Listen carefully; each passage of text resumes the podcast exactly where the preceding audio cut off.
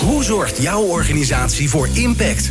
Wat betekenen jullie voor de samenleving? Bedrijven hebben de kracht om maatschappelijke vraagstukken op te lossen. Zo zorgen zij voor winst op alle vlakken. In Impact hoor je leiders en experts over duurzaamheid, MVO, circulaire economie en natuurlijk Impact met Glenn van der Burg. De energietransitie. We hebben er al ongelooflijk veel afleveringen over gemaakt ondertussen, maar altijd over, over een specifiek deel. Het leek mij wel eens een keer handig om eens een keer even uit te zoomen en gewoon weer bij de basis te beginnen om het scherp te krijgen. Wat is die energietransitie eigenlijk? Wat zijn alle delen die bewegen of zouden moeten bewegen? En ehm, ja, wat kunnen we er met elkaar voor zorgen dat we daar stappen in zetten, zodat het nog sneller gaat dan dat het nu eigenlijk al gaat. Daar hebben we drie bijzonder leuke mensen voor uitgenodigd die daar verstand van hebben. Sanne de Boer is uh, analist energietransitie bij Rabo Research. En ze heeft ook een prachtig boek geschreven, De Energietransitie uitgelegd. Dus als je denkt, nou ik lees liever dan dat ik luister, dan moet je gewoon dat boek natuurlijk even kopen. Uh, Michiel Esveld is er uh, van Jong Rabo en ook energietransitiespecialist. Vera Pijnenburg, strategisch adviseur van Energiebeheer Nederland. En deze podcast podcast maken we samen met de Rabobank vanaf Terschelling tijdens Springtijd 2022. Het is het jaarlijkse forum waarin samenwerkingen worden gesmeed en krachten worden gebundeld om de wereld te verduurzamen. Nou, ik ga alvast een schot voor de boeg geven. We moeten überhaupt een energietransitie in, want we gebruiken fossiele energie en daarmee helpen we de aarde, uh, nou ja, de mensheid uh, naar, de, naar zijn grootje, om het maar netjes te zeggen. Dat gezegd hebbende, hoe ingewikkeld is dat dan? Help mij eens even. Sanne, je hebt er een boek over geschreven. Wat is die energietransitie nou? Ja, je zei, we moeten een energietransitie in. Volgens mij zijn we er al heel hard mee bezig. Dus we zitten al in de energietransitie. En wat is dat dan? Dat is eigenlijk een structurele omslag van een systeem dat nu nog voornamelijk gebaseerd is op fossiele energiedragers naar een systeem dat niet meer bijdraagt aan de netto-uitstoot van broeikasgassen. Want eigenlijk is die energietransitie onderdeel van ja, de transitie naar een klimaatneutrale samenleving. En daarom willen we dus de uitstoot van broeikasgassen ook in het energiesysteem terugdringen. Dat doen we door andere energiebronnen in te gaan zetten en ook door minder energie te gaan verbruiken. Dus ook het verminderen van de energievraag is een heel belangrijk onderdeel van die energietransitie. Daar hebben we het eigenlijk te weinig over. Ja, dat vind het ik ook. Het gaat allemaal over zon en wind en, uh, en uh, panelen en weet ik veel wat allemaal en elektrische auto's, maar minder. Daar hoor je niet zoveel over. Waarom is dat eigenlijk? Ik denk omdat um, heel vaak gedacht wordt um, in, met van het uitgangspunt van we willen, we, we willen heel veel dingen. We willen mobiliteit, we willen een warm huis, we willen bepaalde producten kunnen kopen en consumeren. En dan lijkt het net alsof daar per se heel veel energie voor nodig is. Dat is natuurlijk ook wel zo. Maar de uitdaging is juist om te kijken hoe kunnen we ervoor zorgen dat we al die dingen nog steeds kunnen blijven doen. Maar dan met minder energie dan nu. Um, maar ik denk dat het een lastig onderwerp is, omdat mensen vaak het idee hebben dat ze dan ineens heel veel dingen niet meer mogen. Dat ze dan in een koud huis moeten gaan zitten of niet meer van A naar B mogen reizen. Um, terwijl dat natuurlijk helemaal niet de bedoeling is. Maar de uitdaging juist is om dat wel te kunnen blijven doen, maar dan op een veel slimmere manier. Ja, ja en Vera, dan, dan andere bronnen. Maar die bronnen die zitten ook op een andere plek. Wat, wat zijn de andere uitdagingen die er nog bij komen kijken? Behalve dan, want simpelweg zou je kunnen zeggen we vervangen uh, uh, gas, olie en alle andere dingen die we uit de grond halen, die er al heel lang in zaten, voor uh, wind- en zonne-energie. En dan zijn we klaar. Nou ja, we hebben natuurlijk ook nog geothermiek en al die andere dingen, maar dan andere bronnen opgelost.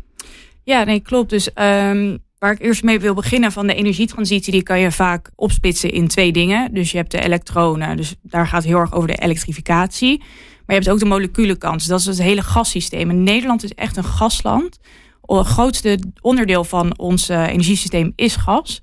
Maar daar moeten we natuurlijk vanaf. Dat zijn die fossiele brandstoffen. En waar we nu naar kijken is bijvoorbeeld uh, geothermie, dus aardwarmte. Dus dat is gewoon warmte van uh, het oppervlak wat we naar boven kunnen halen om dus zo ook onze huizen te verwarmen. Dus ik denk dat dat, en ik hoop ook dat dat een heel groot onderdeel gaat zijn van ons toekomstig energiesysteem. Ja, en waar is dat dan een oplossing voor, die geothermie? Ik snap, dan kan ik mijn huis mee verwarmen. Maar eh, noem eens ook op, oplossingen voor andere delen van het energieverbruik nu die je daarmee kan oplossen.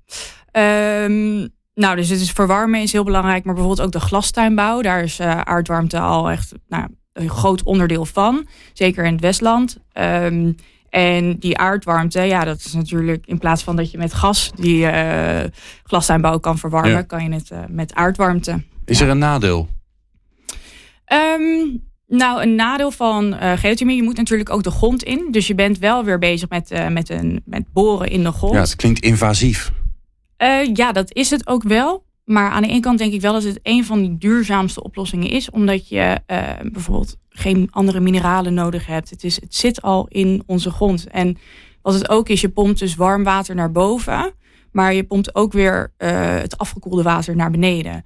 Um, dus in dat opzicht is het circulair en dan warmt het zich natuurlijk weer op beneden en dan kan je het weer zo oppompen. Ja, ja en de kans dat we met z'n allen de, aarde, de aardkern afkoelen, die is niet heel volgens mij toch? Nee, dat gaat dus ons niet lukken. Zoveel invloed hebben we nou ook weer niet op de aarde. um, uh, Sanne, um, wat mij zo ingewikkeld lijkt aan de energietransitie is dat um, we praten, alsof, praten erover alsof het één grote bak energie is, maar die is natuurlijk verdeeld. Kun je daar een, een, beeld van geven van wat nou, waar wordt die energie nu verbruikt? Wat zijn de plekken of de onderdelen van onze samenleving waar, waar we van zeggen, nou daar, daar zit een enorme impact. Ja, als je kijkt naar het energieverbruik in Nederland, dan komt bijna de helft um, voor rekening van de industrie. Um, en de industrie gebruikt uh, energie op twee manieren: als brandstof, maar ook als grondstof. Dus aardgas wordt gebruikt bijvoorbeeld voor de productie van ammoniak. Uh, olie wordt gebruikt om plastics te kunnen maken.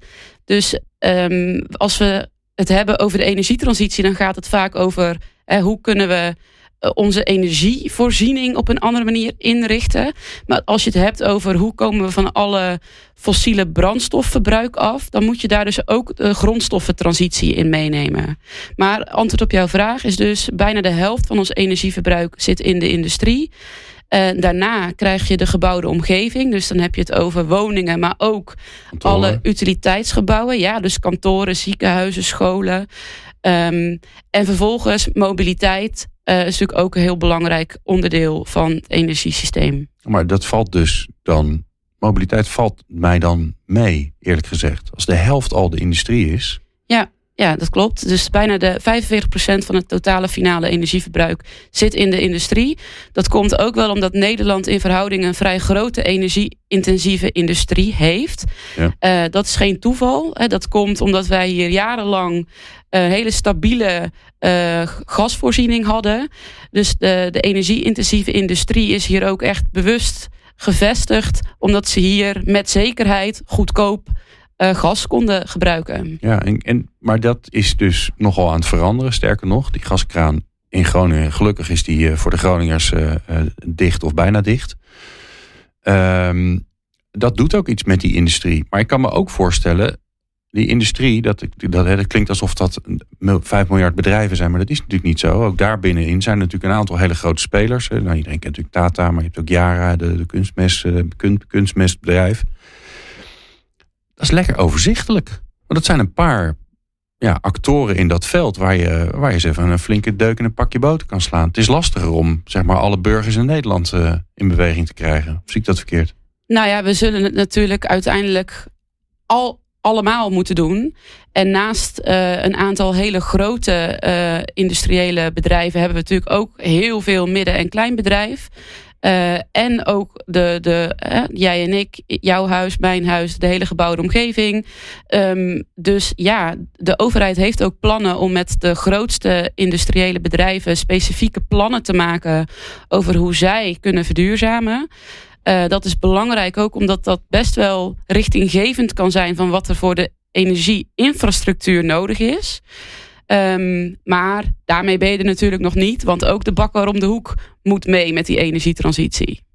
Ja, eens. Maar als die wat, als die wat zeg maar naeilt, is dat toch wat minder erg dan dat, uh, dan dat de industrie dat doet. Want de impact is gewoon groter, simpel gezegd. Ja, als je het hebt over uh, die broeikasgasuitstoot, zeker wel. Maar als je bijvoorbeeld dan nu kijkt naar de energiecrisis waar we in zitten, hè, dan bedoel ik de prijzen en uh, de leveringszekerheidsproblematiek.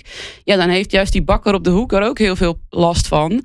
Um, dus dat geeft natuurlijk wel nu een extra impuls om ook vanuit dat eh, vanuit die invalshoek met die energietransitie aan de slag te gaan. Ja. En Michiel, nou, jij werkt bij de, bij de Rabobank. Je, bent, uh, je vertelde me net, je bent een soort intrapreneur. Dus jij, ja. jij loopt daar rond om, uh, om dingen te verzinnen die je eigenlijk niet kunnen of mogen. Dat is toch een beetje wat ondernemers doen. Um, hoe ga je nou met zo'n onderwerp als die energietransitie binnen de bank aan de slag? Ja, het, is een grote strategische pijler van de bank. Dus word, kan ik daar uh, mijn gang gaan. Uh, en daar word ik even voor betaald. Dus dat is hartstikke leuk. Ja, um, leuke baan. Waar je eigenlijk mee start is echt vanuit die ivoren toren verlaten. En gewoon met klanten, niet-klanten, ketenpartijen, groot, klein, familiebedrijf, heel oud of net nieuw, uh, gaan praten over welke problemen ervaar je nou nu in jouw gewone normale bedrijfsvoering. Wat voor ambitie heb je naar de toekomst toe qua energietransitie? Wil je, mag je, kun je? En wat voor problemen liggen daar dan aan onderliggend? Daar probeer ik heel erg sterk achter te komen. Hm. Dus echt in het veld gaan staan. En dat, als, als je dat goed doet, dan kan je op een gevalideerde manier erachter komen wat voor problemen er breder spelen. En kan ik daar oplossingen voor gaan verzinnen. Die misschien uh, heel pijn gaan doen bij de bank. Misschien helemaal niet. Misschien een oplossing die uiteindelijk een product wordt die de bank helemaal niet kan uitvoeren. Dat het een, een spin-out moet worden. Maar dat laat ik uh, leiden door het validatieproces. Ik ben dus ook een oud ondernemer. Dus ik probeer heel erg het lean startup verhaal ook bij de bank naar binnen te, te, te, te dwingen. Omdat Ja. je dan op een hele kortcyclische manier erachter kan komen wat nou nodig is en wat niet. Want dat versnelt juist Ja, ja. uh, de Je- uitkomst. Je bent, je bent niet vijf jaar bezig met een businessplan. Hè? Je bedenkt Nee. iets en uh, je gaat de wereld in met iets wat dat, tastbaar dat, is, het, dat is het doel. En Ja. dan merk je dat je als je bij een grote corporate bent, dat het dan af en toe ook wat trager gaat. Maar dat is niet erg, want energietransitie versnellen is wel een van de dingen waar wij heel erg druk mee zijn. En je merkt dat de bedrijven die ik spreek, um, een paar dingen uh, als echt een grote blokkade uh, ervaren, terwijl ze wel graag willen. Dus je merkt, hè, de, de, gebruikelijke dingen die je in de krant leest, hè, we hebben mensen tekort die de juiste ervaring hebben om die energietransitie voor mijn bedrijf in te zetten. Ik weet wat ik wil doen, maar ik kan ergens de materialen halen. Nou, dan Ja. kan de bank hier en daar wel wat aan doen. Ik persoonlijk in mijn rol wat minder. Maar wat je ook merkt is dat de, uh, het speelveld, om op basis daarvan een business case te maken, dus de voorspelbaarheid van hoe wat de prijzen gaan doen van energie, wat een uh, hernieuwbare brandstofeenheid bijvoorbeeld gaat doen de komende tien jaar. Daar is de bank heel erg naar op zoek om vervolgens risico's te kunnen afdekken. En wij blijven natuurlijk een bank, wat een conservatief instituut is. Um, Ja, gelukkig maar. ja, precies. Uh, maar wij krijgen aan de andere kant van de maatschappij ook een hele grote dwang en drang te horen van nu willen jullie je rol pakken om die energietransitie te versnellen en het goede voorbeeld te nemen. Dus dat is een beetje het, het, het, uh, het dilemma waar in ieder geval in mijn rol ik constant mee zit. Het is een beetje het thema van deze springtij volgens mij. Hè? Die, die tweebenigheid ja. van alles, zo'n beetje. Precies. Van de korte en de lange termijn. Van voor, voorzichtig zijn, uh, maar, ook, uh, maar ook in beweging komen. Nadenken en, uh, en handelen. Het, is allemaal, het moet allemaal tegelijk. Mag ik daar nog een vraag over stellen? Want, Tuurlijk. Um, nou ja, jullie werken bij een bank. Ik snap dat financiën een heel groot uh, onderdeel... Of nou ja, dat is de basis. Maar als je kijkt naar bijvoorbeeld die start-ups of die... Um, dat het eigenlijk is het ook steeds belangrijker om naar die maatschappelijke waardecreatie te kijken. Dus niet alleen maar naar die financiën. Doen jullie daar al iets mee? Of draait het nog echt om de business case? Um, wat ik belangrijk vind in mijn werk is dat je kijkt naar uh, hoe kan ik nou een goed duurzaam verdienmodel maken van in, in de energietransitie en daarmee CO2 dus flink reduceren. Dus er zijn eigenlijk er een, een tweede pijler bijgekomen die in de kern in mijn energietransitieafdeling belangrijk is. Dus één, kunnen we onze klanten blijven helpen en nieuwe klanten helpen met uh, een duurzame langetermijn bedrijfsvoering te onderhouden. Dat betekent energietransitie. Want we weten allemaal intussen dat fossiel uitgefaseerd kan worden. Dus dat is al e even stap één. En twee, hoe kan je dat op een, op een, snelle manier doen? En op een verantwoordelijke manier doen. En daar hoort CO2-reductie gewoon als KPI bij. Dus dat wil je gewoon meten en weten. Ja, Michiel, je, je, loopt, je, loopt, je loopt buiten bij, bij echte bedrijven, bij uh, klanten van de Rabobank. En je zei dus, ja, we, we weten allemaal dat fossiel uh, dat het, dat het eindig is. Hoor jij dat ook terug? Ook gewoon bij, bij de gemiddelde MKB'er uh, in, het, uh, in, het, in het industrieterreintje bij een niet al te grote stad? Verschilt per bedrijf. en zeker ook qua bedrijfsgrootte. Dus hoe kleiner het bedrijf is, hoe minder daar de vooruitstrevendheid en ik durf een stap te nemen ook, ook bij mij terugkomt omdat het al best wel lastig is om als kleine MKB'er je hoofd boven water te houden met een corona-naeiling en de uh, energieprijzencrisis die we nu, uh, nu ja. zien. Als je kijkt naar een stapje groter, uh, dus tussen de, nou, laten we zeggen, 10 miljoen omzet, 500 miljoen omzet in Nederland, daar is het gigantisch groot, dat besef. En de wil is enorm aanwezig, maar het hoe en wanneer dat is veel lastiger. Ja. En daar heeft de Raadbank een hele grote rol in te spelen. Willen we ook graag. Uh, maar dat is een lastige puzzel om te leggen. En daar moeten we gewoon veel energie in gaan steken. Laten we die ondernemer eens gaan adviseren. Wij hier aan tafel, eigenlijk vooral jullie. Want dat is jullie taak. Ik stel de vragen, dat is mijn taak. Uh, laten we die ondernemers gaan adviseren. Jullie hebben een mooi beeld van wat er allemaal aankomt. Welke kant het op gaat. Welke veranderingen eraan zitten te komen. Wat zou je me adviseren om te gaan doen, Vera? Nou, ik vind het, het is deels aan de ondernemer, maar bijvoorbeeld ook uh, aan de kant van wie die die financiering krijgt. Want wat ik een heel groot uh, ding vind in de energietransitie, dat we niet durven te experimenteren en weinig lef tonen. Um, dus, en je, als je wil experimenteren, moet daar ruimte voor zijn, ook uh, in je rendement of in je winstmaximalisatie. Dus ik denk dat uh, daar de bank ook meer open voor moet staan. Om dus te, te kunnen kijken van oké, okay, nou hoe kan ik die ondernemer een zet geven, de goede kant op. Maar dus ook mm. wel die ruimte kunnen geven om uh, voorop durven te lopen. Oh, dat is wel mooi. Dus jij zegt uh, stimuleren is belangrijk. Inzicht geven, maar ook zeggen, joh, want ondernemers hoef je meestal niet te stimuleren om te gaan ondernemen. Maar je kunt ze wel natuurlijk stimuleren om, om weer in een nieuw onderdeel te gaan ondernemen en weer een bedrijf aan te passen. Maar jij zegt ook, help dan ook met de volgende vraag. Want de volgende vraag is altijd bij een ondernemer ook van ja, maar waar haal ik het geld vandaan? Want ik kan mijn eurotje maar één keer uitgeven. Alright, Sanne. Ja, ik wil nog even terugpakken naar jouw vraag. Hè, van wat, wat wil je de ondernemer adviseren? Um, maar ook een beetje teruggrijpen op wat Michiel al aangaf. Dat uh, hele grote bedrijven vaak al heel goed mee bezig zijn. Dat het voor kleinere bedrijven ja, die, zijn zo bezig met hun core business dat die energietransitie, ja, daar moet ook nog iets mee gebeuren. Maar hoe dan, wat dan? Ik denk dat het begint met kennis. Dus uitdragen van kennis over die energietransitie, um, dat is belangrijk. Omdat ook de kleinere bedrijven, toch weer even die bakker om de hoek, die, uh, die bestaat vaak al heel lang. Is soms ook een familiebedrijf. Die wil over 100 jaar ook nog zijn krentenbollen kunnen verkopen. Alleen moet die bakker wel gaan nadenken over hoe, op welke manier kan ik dat dan doen? Welke voorwaarden moeten ingevuld worden voor mij om dat te kunnen blijven doen? dus hoe gaat dat energiesysteem veranderen en wat betekent dat dan voor mij? En daar kun je pas over nadenken als je snapt wat de energietransitie is. Ja. Dat is natuurlijk wel lastig, want dan moet je dan ook tijd in investeren. Naast ja, gewoon wat Michiel zei, je hoofd boven water houden en met je core business bezig zijn.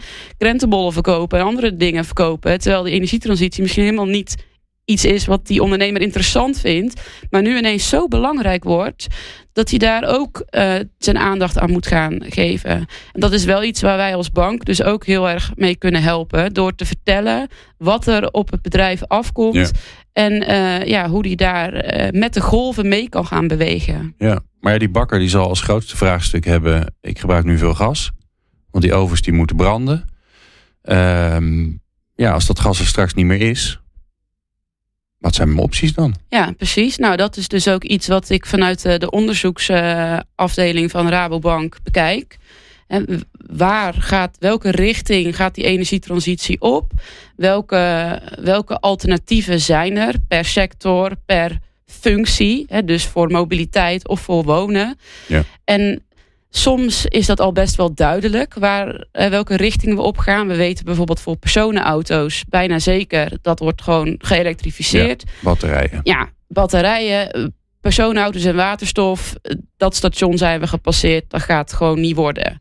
Uh, maar voor heel veel andere zaken is nog best wel onduidelijk wat dan de winnende technologie wordt of wat de way to go wordt.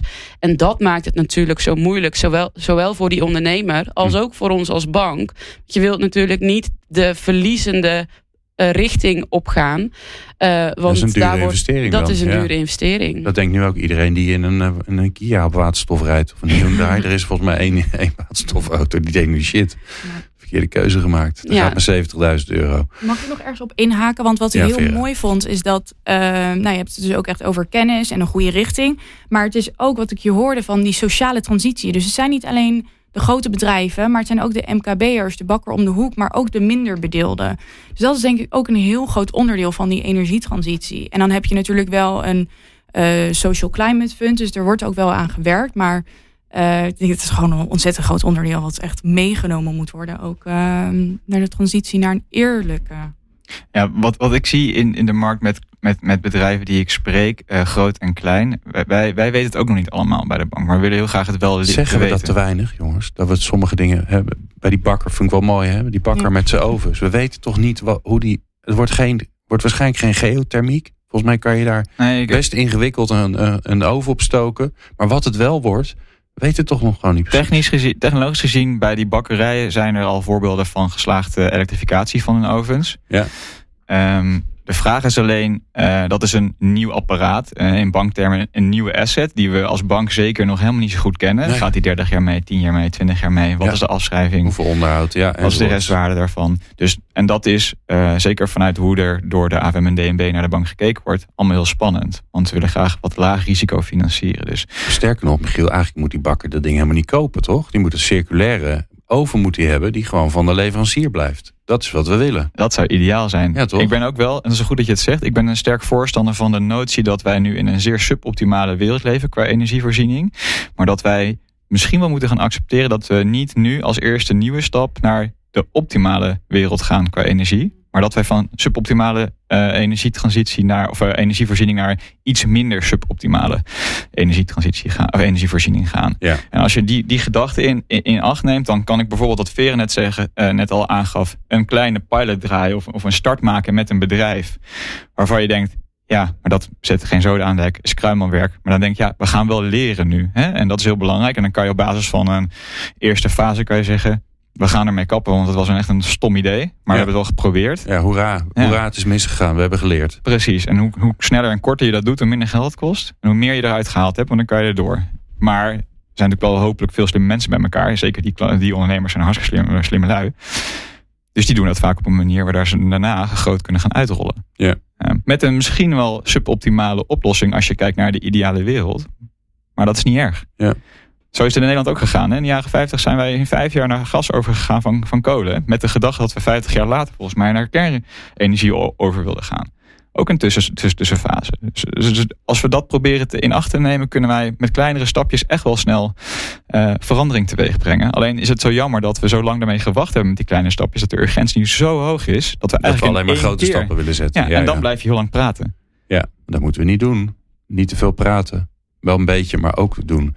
Sanne, ik vond het begin heel mooi dat jij zei... ja, we hebben het eigenlijk te, besparing is ook belangrijk. Daar hebben we het eigenlijk te weinig over. Dat is misschien ook wel de makkelijkste stap. Ehm, waar, waar liggen de grote kansen? Want dat is natuurlijk ook weer zo'n groot concept. Ja, besparing, wat dan? Waar dan? Wie dan? Hoe dan? Ja. ja. In Nederland is heel lang weinig noodzaak geweest voor besparing. Juist omdat wij hè, zoveel gas gebruiken. Onze hele economie is eigenlijk ingericht op gas. We zijn ook eh, het Europese, van binnen de Europese Unie het enige land dat zo afhankelijk is in de gebouwde omgeving van aardgas. Want ja, dat is hoe we het hebben ingericht. En het was er ook altijd en het was, er heel, het was heel goedkoop. Dus we hebben dat best wel lang een beetje ja, links laten liggen, dat, dat onderwerp. Dat is nu ineens heel erg actueel en relevant. En eh, ja, er zijn heel veel manieren om, na om eh, energiebesparing tot stand te brengen. In de gebouwde omgeving gaat het dan natuurlijk over isolatie. Ehm, het gaat ook over gewoon met je boerenverstand slim omgaan met energie. Dus niet stoken en ondertussen je raam openzetten. Het, het, Ja. het klinkt heel gek, maar er zijn ook nog steeds woningen, eh, bijvoorbeeld met blokverwarming, waar mensen niet zelf ehm, de temperatuur van hun thermostaat kunnen regelen. En het dus alleen maar kouder kunnen maken door wel een raam open te zetten. Ja, och ja. och. Dat soort zaken moeten natuurlijk aangepast worden. Ehm, elektrificatie is ook een hele belangrijke manier om efficiënter met energie om te gaan. Want elektromotoren zijn veel efficiënter dan verbrandingsmotoren. Dus door te elektrificeren neem je ook, ehm, neemt ook je energievraag af. De industrie is op dit moment natuurlijk ook heel erg aan het kijken hoe ze bedrijfsprocessen efficiënter in kunnen richten vanwege de, de hoge energieprijzen. Ehm, maar ook andere oplossingen. Dus nou, meer digitaal werken, zodat je überhaupt minder van A naar B hoeft te komen. Dan is dat, als je dat moet doen, is het fijn om dat met een elektrische auto te doen in plaats van met een brandstofauto. Maar als je het helemaal niet hoeft te doen, Ja. is dat nog beter. Ja, de beste kilometer is de kilometer die je niet gereden hebt. Precies. Ja. En de beste manier om energie op te wekken is om hem niet op te wekken. Eigenlijk een beetje een rotwoord. We moeten, gewoon dat, dat, eh, moeten we misschien aan de, aan de communicatieafdeling van de Rabobank vragen... om gewoon een nieuw woord te bedenken voor besparen. Want ik, het, het grappige is dat jij zegt... eh, thuiswerken in plaats van naar kantoor gaan... eh, is ook besparen. Maar zo voelt het eigenlijk niet. Maar dat ben je wel aan het doen dan.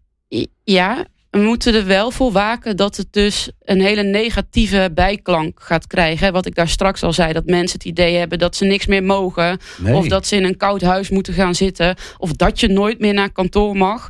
Dat hoor je mij niet zeggen. Maar ik denk wel dat we beter kunnen nadenken over hoe we ons leven zo kunnen inrichten dat we wel de dingen kunnen doen die we graag willen doen. Maar dat op zo'n manier kunnen doen dat we daarmee de aarde eh, zo min mogelijk belasten. Ehm, en daarnaast betekent de energietransitie ook het hele energiesysteem in zijn geheel veel beter inregelen. In plaats van allerlei losse onderdelen uit de keten. Ehm, want dat hebben we ook heel lang gedaan. En gelukkig zien we op dat vlak wel dat de overheid, ehm, ik zou willen zeggen, eindelijk bezig is ook met het ehm, opstellen van lange termijnvisies. Hè. Echt voor naar 2050 kijken.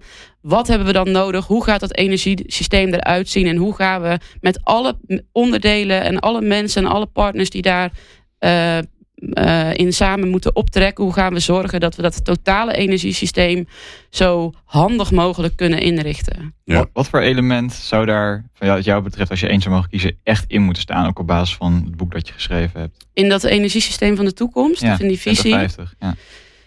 Ehm, nou, ik denk dus vooral ook, nou, even terugpakken op eh, energie-intensieve industrie.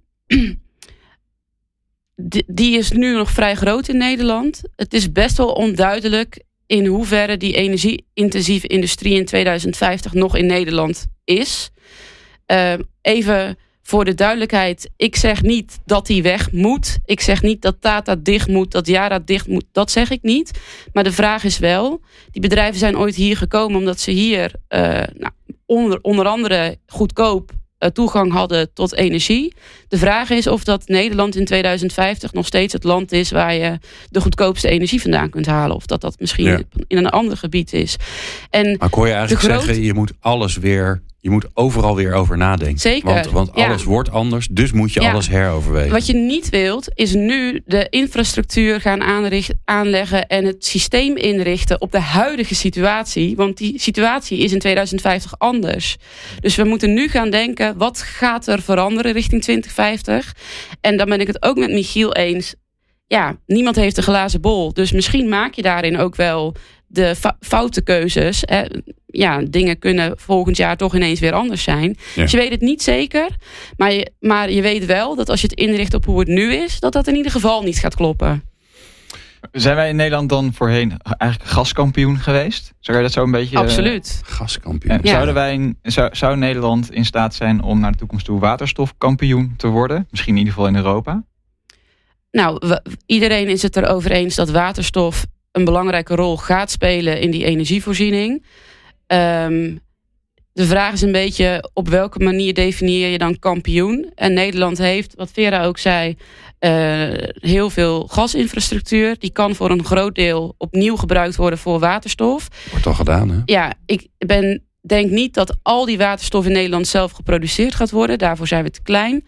Maar mogelijk gaan we het wel ook eh, op grote schaal importeren. Dat zal niet volgende week al gebeuren, maar waarschijnlijk wel na 2030. En kunnen we dat ook weer transporteren naar het achterland. Ehm, dus in die zin kunnen we zeker ook een belangrijke rol gaan spelen op het gebied van waterstof. Als ik, als ik kijk naar de verschillende groottes van bedrijven, zie ik bij bedrijven die eh, potentieel technologisch kunnen elektrificeren door accu's op eigen opwek, et cetera. Dat ik daar zie dat de technologie er is, de betaalbaarheid is er stiekem ook al. En dat het vooral het puzzeltje leggen is hoe kunnen we het op schaal uitrollen. Eh, qua, financiering, qua risicoafdekking. Maar ik, daar weet ik niet alles van, moet ik eerlijk bekennen. Maar de, de, de uitdaging van de energie-intensieve eh, industrie, die vaker, nou, hè, Data en Muiden moet eerder aan waterstof denken dan aan accuopslag natuurlijk. Ja, dat zijn veel accu's anders. Ja, daar, daar maak ik mij wel zorgen om. Kunnen we die slag maken als, als Nederland? En willen we daarvoor hè, onze hand in het vuur Nou? Michiel, ik heb een tip voor je. Nou. Hier op Springtij en al eerder hebben wij daar hele leuke podcasts over gemaakt. Eh, onder andere eh, met iemand van de Gasunie die ook vertelde dat eh, inderdaad de Gasunie-infrastructuur al aan het omgebouwd wordt naar waterstof. Dus er gebeurt al heel veel. Ehm, dus die zou ik zeker gaan luisteren. Dat gaan we niet nog eens een keer overdoen. Wat ik wel ga doen is dat ik eh, Sander nog even ga vragen. Want als je nou meer wil weten en denkt... ja, ik wil toch meer weten over die energietransitie. Tuurlijk kan je podcast luisteren. Maar soms helpt het ook om gewoon even in alle rust een lekker boek te lezen. Sanne, waar kunnen we jouw boek kopen? De energietransitie uitgelegd. Eh, overal. Eh, overal. Ja, Bij overal. de betere Nou, boekhandel. ja, nou in principe inderdaad bij elke boekwinkel. Eh, ook online, maar ik zou zeggen, ga vooral naar de boekenwinkel eh, bij jou in de straat of Ja. bij jou in de stad of het dorp verderop. Die hebben mijn boek vaak niet in de winkel liggen, maar ze kunnen hem wel voor je bestellen. Ja. En dan komt de marge bij je lokale boekwinkel. hè. Dat is leuk. Precies. Ja. En Niet bij 1 Alibaba. november, eh, 1 november komt de derde editie uit. Zo dan. Mooi. Gefeliciteerd. Ja, Hey, en eh, en ehm, eh, is het al zo dat als je zeg maar een zakelijke rekening opent bij de Rabobank, dat je dan jouw boek krijgt? Of heb ik nu net een goed idee bedacht? Ik vind het een supergoed idee. Ik zou zeggen, leg het even neer bij eh, Nou, de, de Ik weet dat er wat belangrijke mensen binnen. Rabobank.